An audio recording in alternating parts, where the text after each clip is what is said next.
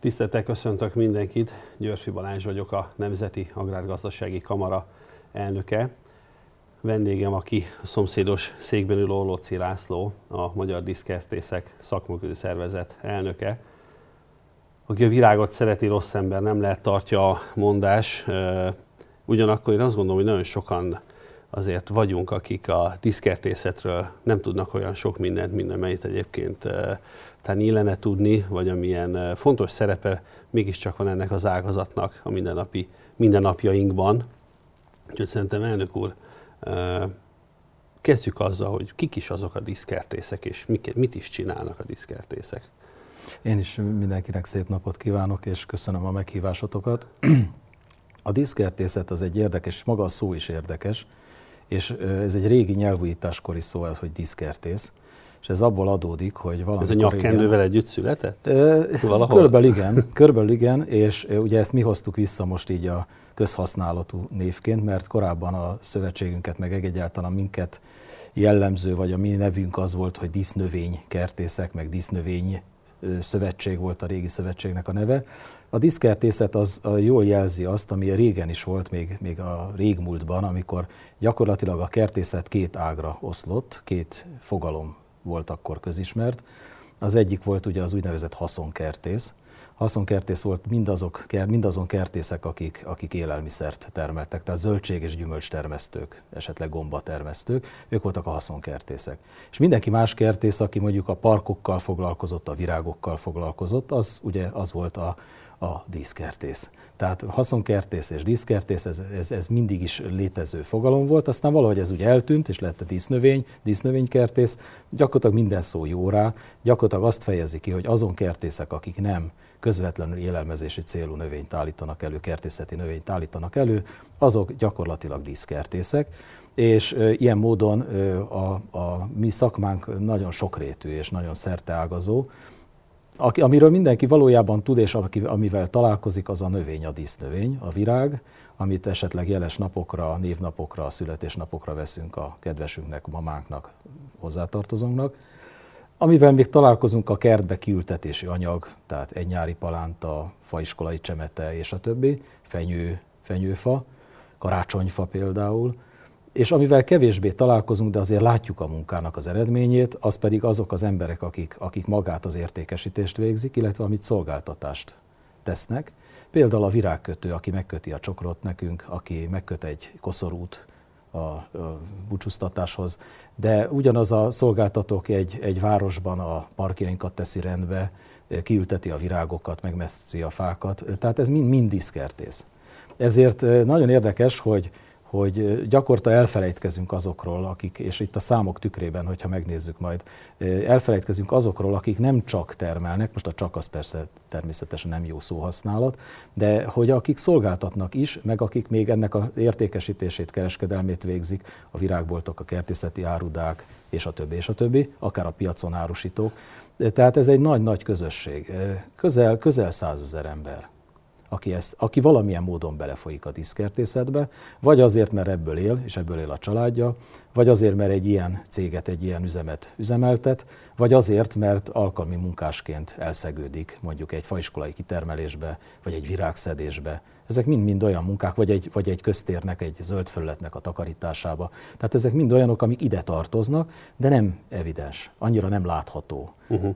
Kicsit a háttérben van és nem lehet úgy megfogni, mint mondjuk egy agrárágazati terméket, a termékcsoportot, mondjuk a gabonaféléket, ahol azért tudjuk, hogy, hogy, hogy az sem látható a köznép számára, mert ugye inkább találkozunk a liszttel meg a kenyérrel, de azért azt lehet látni, hogy na most akkor nyár van, akkor nyár vége van, akkor most betakarítás van, és nagyon nagy kampánymunka, és hogy lesz elég gabonája az országnak, és a többi. Tehát igen, ez valahogy egy hír, igen, ezek mind nagy hírek. Igen, így van. Ennél a diszkertészetnél a folyamatosság a lényeg, és a másik érdekessége, mivel nem élelmiszer. Azt gondolnánk, hogy kevésbé fontos, de nem szabad elfelejtkezni két dologra, ami rendkívül fontos kérdés. Az egyik az a mentális egészségnek a kérdése. Ha nem lennének dísznövények, és nem használnak növényeket díszítési célra, amit több ezer éve használ az emberiség, akkor azért szegényebbek lennénk, és szegényebbek lennének a kultúrák és az országok is. A másik pedig egy közvetlen dolog, ez pedig közegészségügyi kérdés. Ha nem lennének növények, akkor Hát ugye ez ma már fölvetődött, hogy mi van a klímaváltozással, a por terheléssel, a légszennyezéssel, uh-huh. és mind, mind egy olyan dolog, amiben a dísznövénykertészek, a díszkertészek jelentősen hozzá tudnak ahhoz járulni, hogy élhető legyen a környezet, nem csak mentálisan, hanem, hanem fiziológiailag is, tehát közegészségügyi kérdés is a mi tevékenységünk.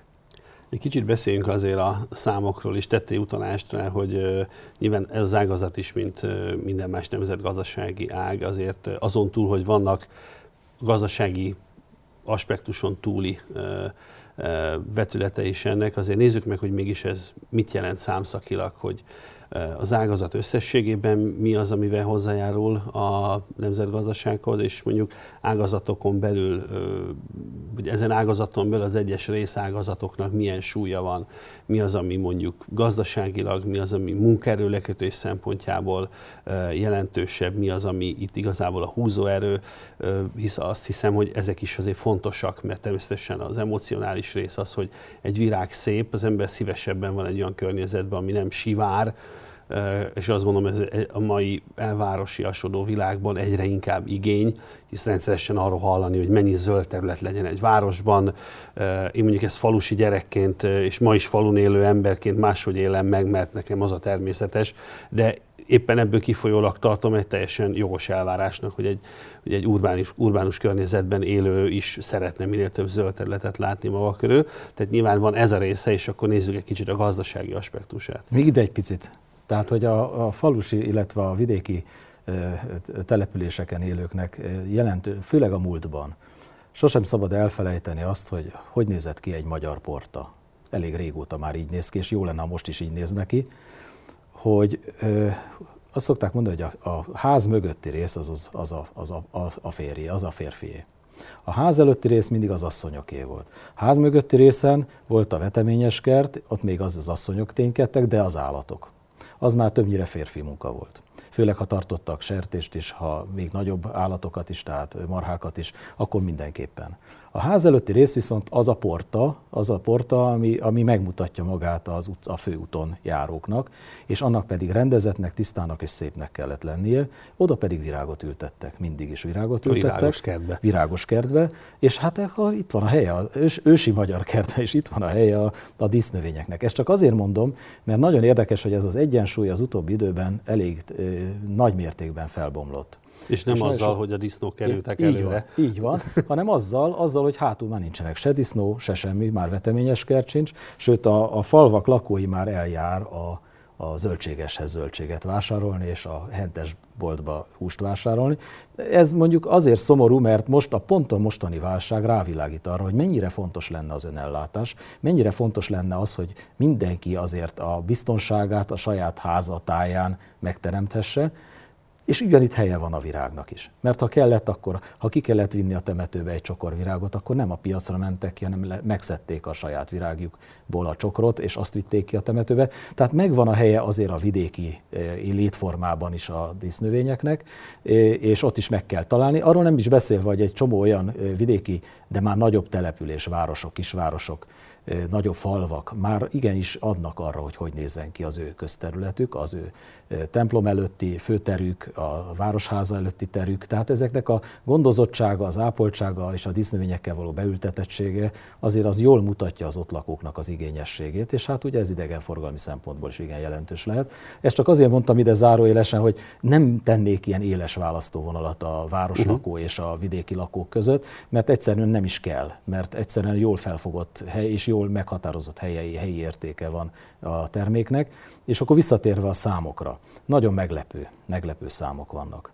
Azért meglepő számok, ami mindjárt az elején kezdtem, hogy a tevékenységünk nem annyira van reflektorfényben, sok esetben nem nagyon látják az emberek azt, hogy mit teszünk és mit csinálunk, viszont ha megnézzük és megvizsgáljuk a nagy számokat, tehát a fő számokat, a fő számok alapján a tevékenységünk kör, körülbelül évente 470 milliárd forintot tesz ki.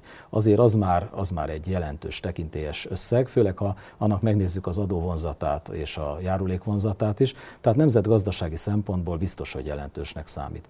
A másik, hogy körülbelül, körülbelül 100 ezer ember az, aki valahogy, és ezzel kezdtük mindjárt a beszélgetésünket, körülbelül érintett ezzel a szakmával. Na most ez a 100 ezer emberből azért jócskán vannak azok, akik ha ez a szakmájuk nem lenne, akkor gyakorlatilag nem lenne mit dolgozniuk sem.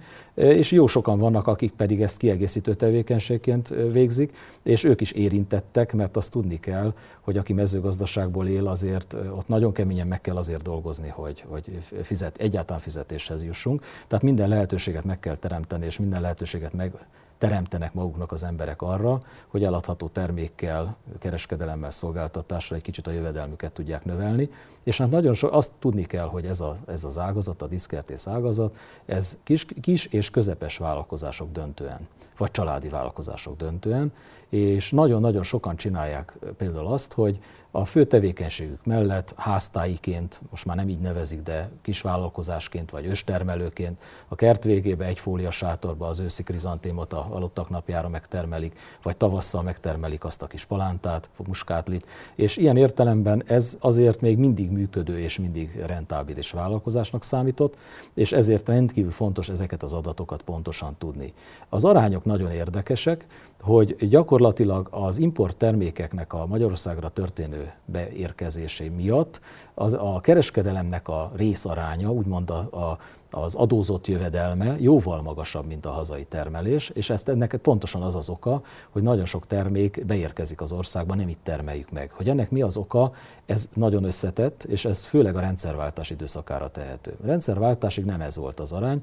A rendszerváltásig a magyarországi dísznövény ellátásban nagy többségben a magyar termék szerepelt. Rendszerváltás követően, hogy a védővámokat lebontotta az ország, és rácsatlakozott az uniós kereskedelmi láncra, így hát a dömping áron és a dömping mennyiségben megérkeztek ezek az import termékek, és gyakorlatilag az ágazat egyes szegmenseit a nullával tettek egyenértékűvé. Tehát például a vágott virág a rendszerváltás előtt 90-95 százalékban hazai termelésű volt, a rendszerváltást követő dömping termék beőzönlése után, hát mára már csak néhány százalékra tehető a hazai előállítású vágott virág. Ez nagyon nagy érvágása a szakmánknak, volt a szakmánknak, és ezzel ellen valójában akkoriban nem is nagyon tudtunk védekezni, ugye, és azt nem szabad elfelejteni mind a mai napig, az import áru mögötti műszaki fejlesztés, fejlettség, az ottani helyi akár tetszik, akár nem, ki kell mondanunk, az ottani állami dotációk, most a dotáció nem direktbe, mert ez nem lehetséges az unión belül, de tudjuk, hogy azért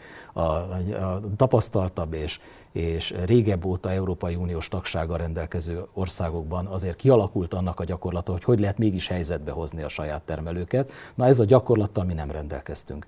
És ugye mivel nem rendelkeztünk, ránk dőlt ez a nyugati piac, és gyakorlatilag ellehetetlenített nagyon sok ágazatunkat, amiből manapság kezdtünk volna a gazdasági fellendülésre egy picit levegőhöz jutni, de hát most ugye a bekövetkezett események, illetve a, járványügyi intézkedések miatt ismét egy megtorpanásra készülünk, és ez azért nagyon nagy probléma, mert, mert így az ágazatot nagyon nehéz lesz ismét talpra állítani, tekintettel arra, hogy semmilyen olyan rendelkezést és olyan intézkedést nem tudtunk megtenni ez idáig, ami a mi gazdáinkat, a mi kertészeinket hatékonyan tudta volna védeni ez ellen a, az import áradat ellen. Éppen most jutottunk el odáig hosszú évek tanulmányozása során, hogy megtudjuk, most már tudjuk, hogy miket kellene meglépni, most sajnos ez most már vészforgatókönyv, tehát meg is kell lépnünk ezeket az hmm. intézkedéseket.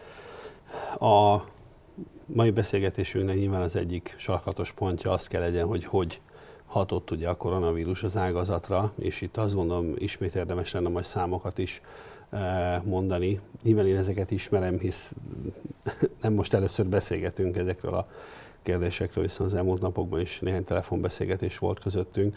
Eh, nem árulok el nagy titkot azzal, hogy a ti ágazatotok az, amelyik talán a, hát a top 5-be mindenképpen beletartozik, így az agrárium vonatkozásában, meg aztán egyértelműen, ami e, érintve van az elmúlt hetek e, történéseinek, úgyhogy ezt, ezt kicsit világítsuk meg, hogy mik azok a, mik azok a történések, amelyek leginkább sújtották, hisz nyilván nem a pozitív dolgokról fogunk sajnos beszélni, mik, amik leginkább érintették, és mik azok egyébként, amelyek közép és hosszú távon is kihatással lehetnek erre az ágazatra, hisz itt hallottuk, hogy voltak komoly leépülések is. Igen, ezt azt gondolom többen látták, akik egy kicsit is figyelik ezt az ágazatot, hogy hogy rendeződött át itt, ha jól sejtem, akkor a holland jelenlét az nem csak nálunk, de azért az egész világon egy meghatározó, és tényleg nem igazán tudtunk lépést tartani azokkal a, azokkal a, a történésekkel, amelyek azért erőteljes nyomot hagytak a magyar diszkertészek mindennapjaiban. De hogyan tovább? Igen, ezt a kérdést mindjárt a válság pillanatában, sőt az előtt egy picivel már, amikor lehetett érezni, hogy itt komoly probléma lesz, mi felvetettük, és a szervezetünk, a szakmaközi szervezetnek az elnöksége egy ilyen válságstábot alakított, és ennek keretében válságstratégiát alkotott, és ezt juttattuk el aztán minden fórumra, ahova tudtuk. Itt két dolog, amit tudni kell. Az egyik, hogy az ágazat soha nem rendelkezett olyan pontos és olyan precíz adatokkal, mint most. Ez a válságnak egy ilyen hogy is mondjam, nem, azt nem szabad mondani, hogy jótékony hatása, mert szó sincsen jótékonykodásról. Ez a válságnak egy érdekes hatása, ami egyébként egy teljesen természetes dolog, hogy amikor baj van, akkor az emberek megpróbálnak összefogni, összekapaszkodni, illetve megpróbálják előtárni azokat a tényeket, termesztési adataikat is, amit egyébként válságon kívül nem nagyon szeretnek publikálni. Ennek is érthető oka van. De most nem erről van szó. Most ugye háborús helyzet van, szabad így fogalmazni, tehát most össze kell zárni.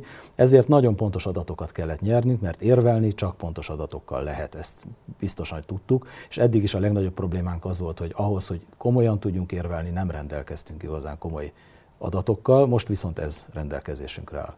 A másik, hogy meg kellett látni, hogy mi az, amit sürgősen meg kell tenni. Mi úgy hívjuk, hogy tűzoltás. Tehát mi az, amit tűzoltásként azonnal meg kell ahhoz tenni, hogy ne menjen azonnal csődbe az ágazat, mert sajnos erről van szó. Azt tudni kell, hogy az ágazatunkra jellemző a, ez, a, ez a szezonalitás. Ugye a tavaszi szezon az a leg, az egyik legjelentősebb szezon, ezért is nagyon pehjesek vagyunk ilyen szempontból, a szabad így mondanom, mindenki az, de hogy nekünk pont a szezon közepébe csapott bele, vagy az elejébe csapott bele ez a villám, és ennek következtében most ennek szenvedő alanyai leszünk, ez egyértelműen látszik. A másik az, hogy, hogy nem csak a szezonalitás, hanem ez a sokrétűség, amiről beszéltünk. Némi puffert is adhat, mert vannak olyan az ágazaton belüli olyan tevékenységek, amelyek talán kihúzhatók az év végéig, és hogyha a válság nem húzódik el, akkor némileg kompenzálható, de mondok egy-kettőt, ami nem. Az egyik ilyen, hogy a kellős közepén vagyunk, a névnapok, születésnapok, de elsősorban az ünnepek, tehát a húsvéti ünnepkör, pünkösdi ünnepkör, és ballagás. egyáltalán a ballagás, a ballagás, és sok minden egyéb, ami, ami a vágott virágok nagy szezonja.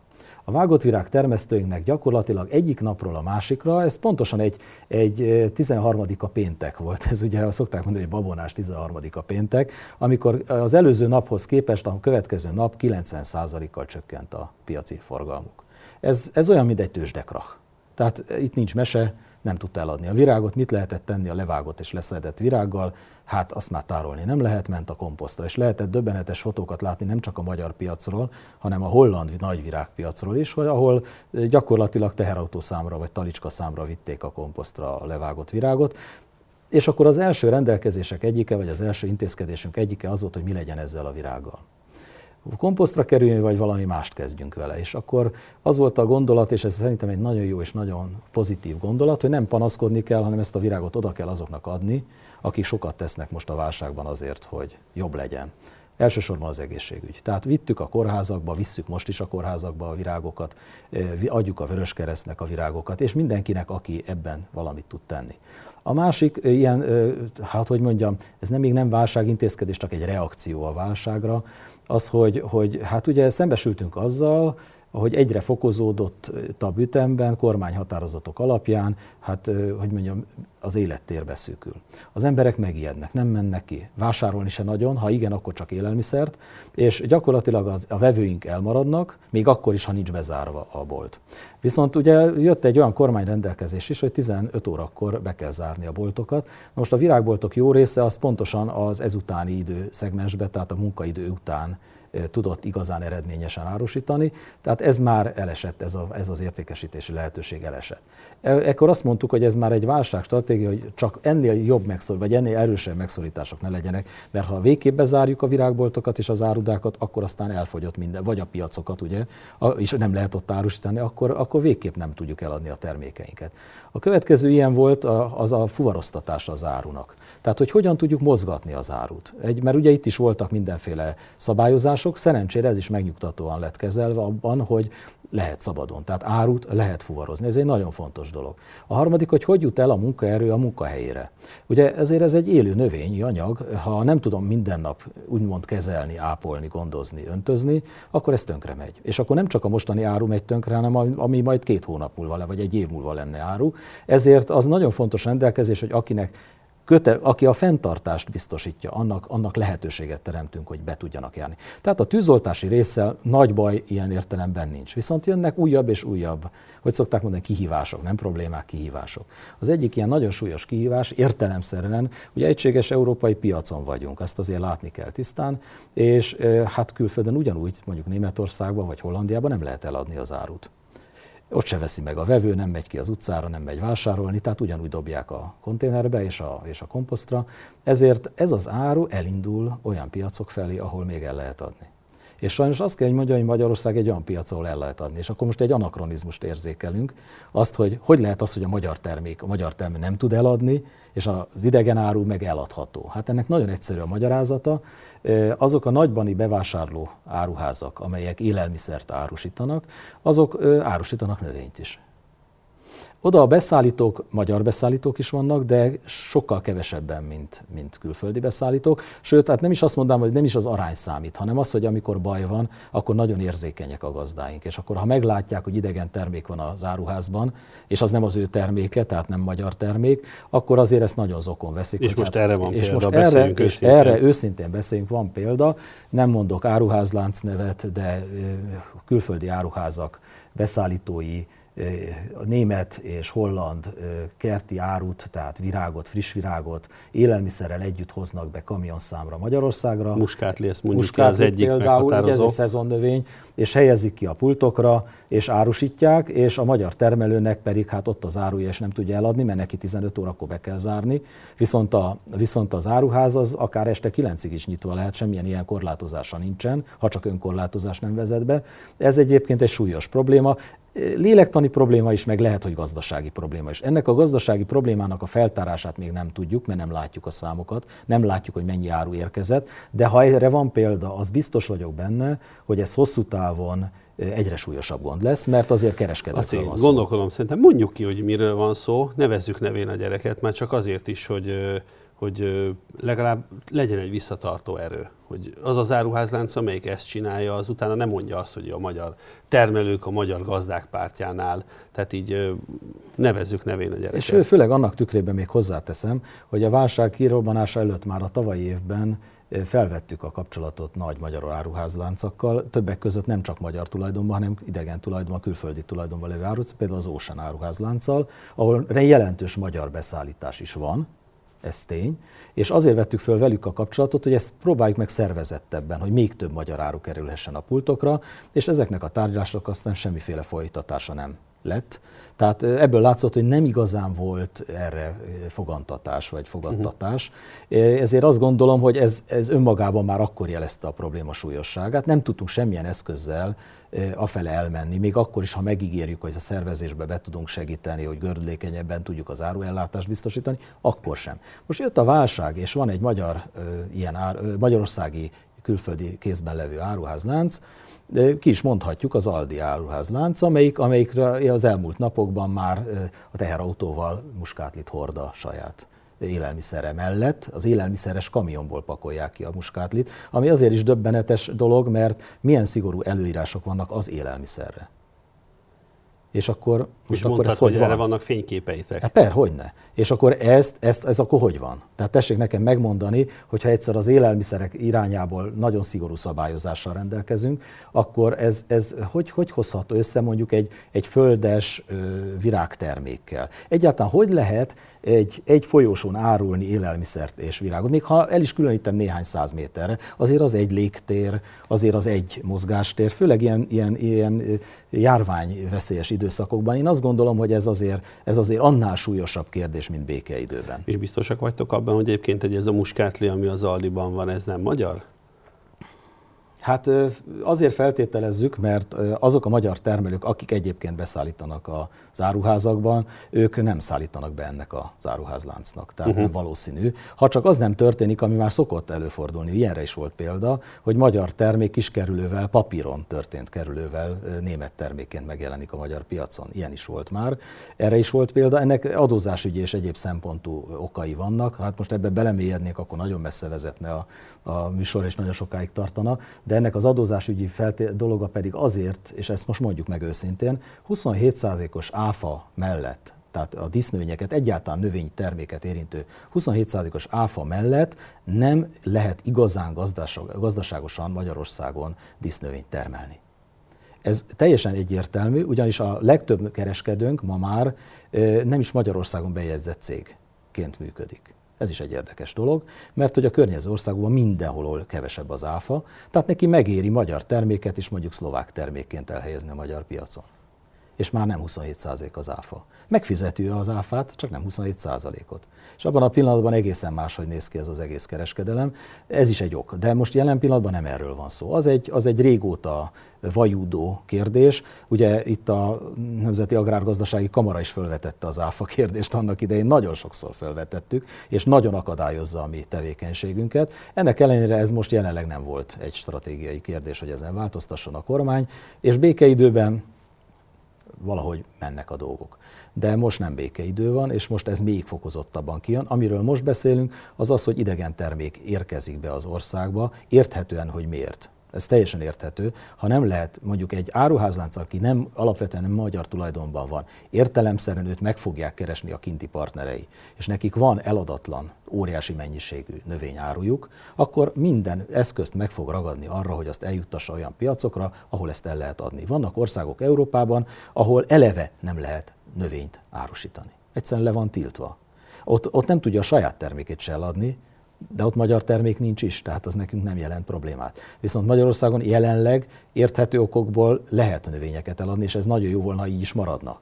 Nagyon nagy baj lenne, ha nem lehetne. Akkor aztán végletesen tönkretenni az ágazatunkat. De az, hogy beérkezik idegen termék, és gyakorlatilag nem egy pályán versenyez a két termék, mert az idegen termék a nap nagy részében eladható, míg a magyar termék csak 15 óráig, jó esetben, rosszabb esetben még akkor sem, mert például egy virágbolt esetében meg zárt térben történő értékesítés most már csak úgy kiadás szerint lehet, tehát ez így teljesen ellehetetlenítheti az állapotot. Na most, hogyha ez a válság viszonylag hamar lezajlik, amire nem sok remény van, de ha lezajlana, akkor gyakorlatilag még valamit az ágazaton belül, és akkor visszatérve a számokra.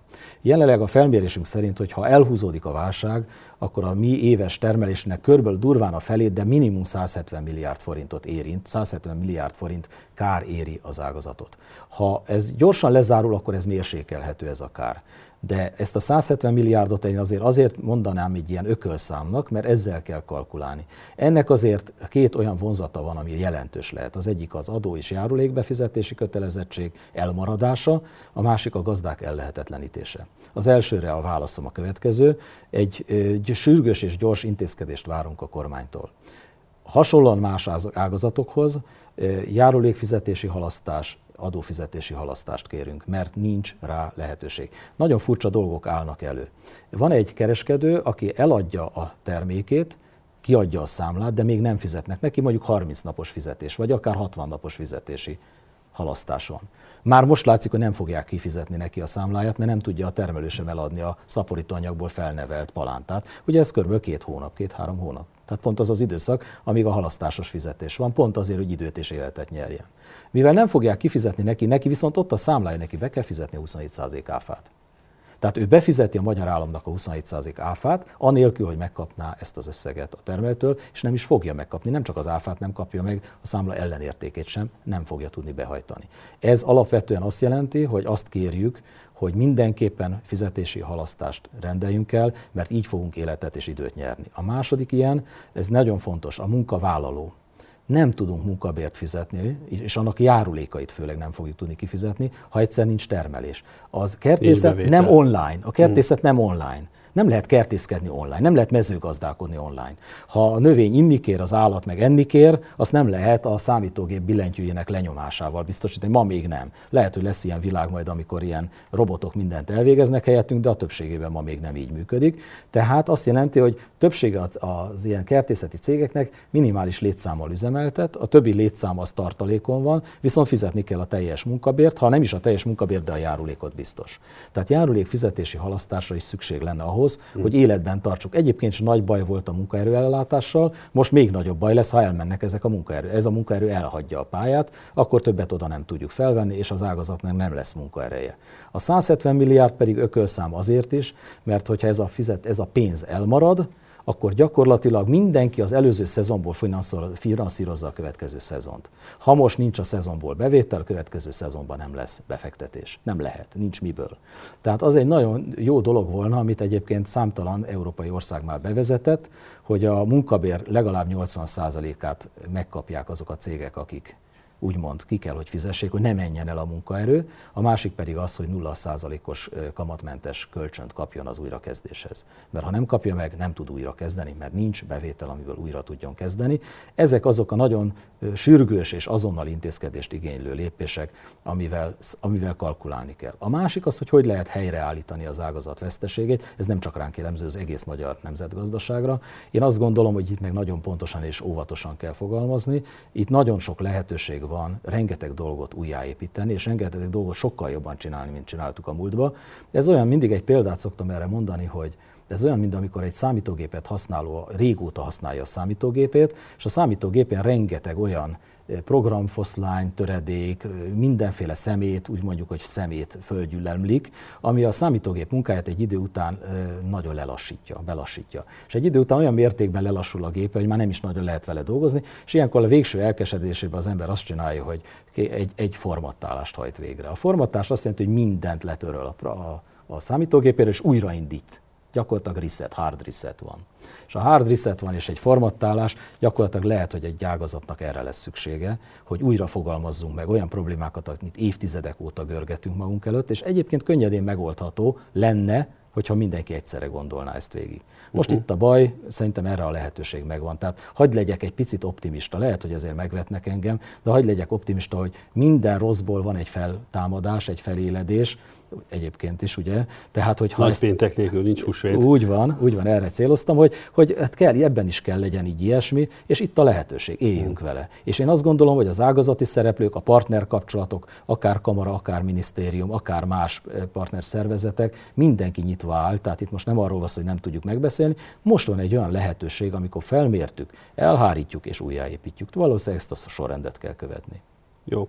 Laci, én nagyon szépen köszönöm, hogy itt voltál, mert azt gondolom, hogy nagyon sok hasznos gondolattal lettünk gazdagabbak, és hát búcsúzásképpen mi mást mondhatnék, mint amit az előbb tőled is hallottunk, hogy azért az ember életében a kertészkedés, a virágokkal való bánás azért az egyfajta szellemi kikapcsolódás, és mivel most nagyon sokat vagyunk otthon, eh, ragadjuk meg az alkalmat, és kiki a saját lehetősége szerint, hogy próbáljon meg eh, kicsit kertészkedni, ez önmagában is kikapcsolódás, és hát Laci, a ti szakmátok számára meg azt gondolom a következő időszakra való túlélésnek az egyik záloga, hogy az emberek nyissanak egy kicsit, ha más nem, akkor egy balkonvirággal. Köszönöm, hogy itt Én voltál. köszönöm szépen. Köszönöm.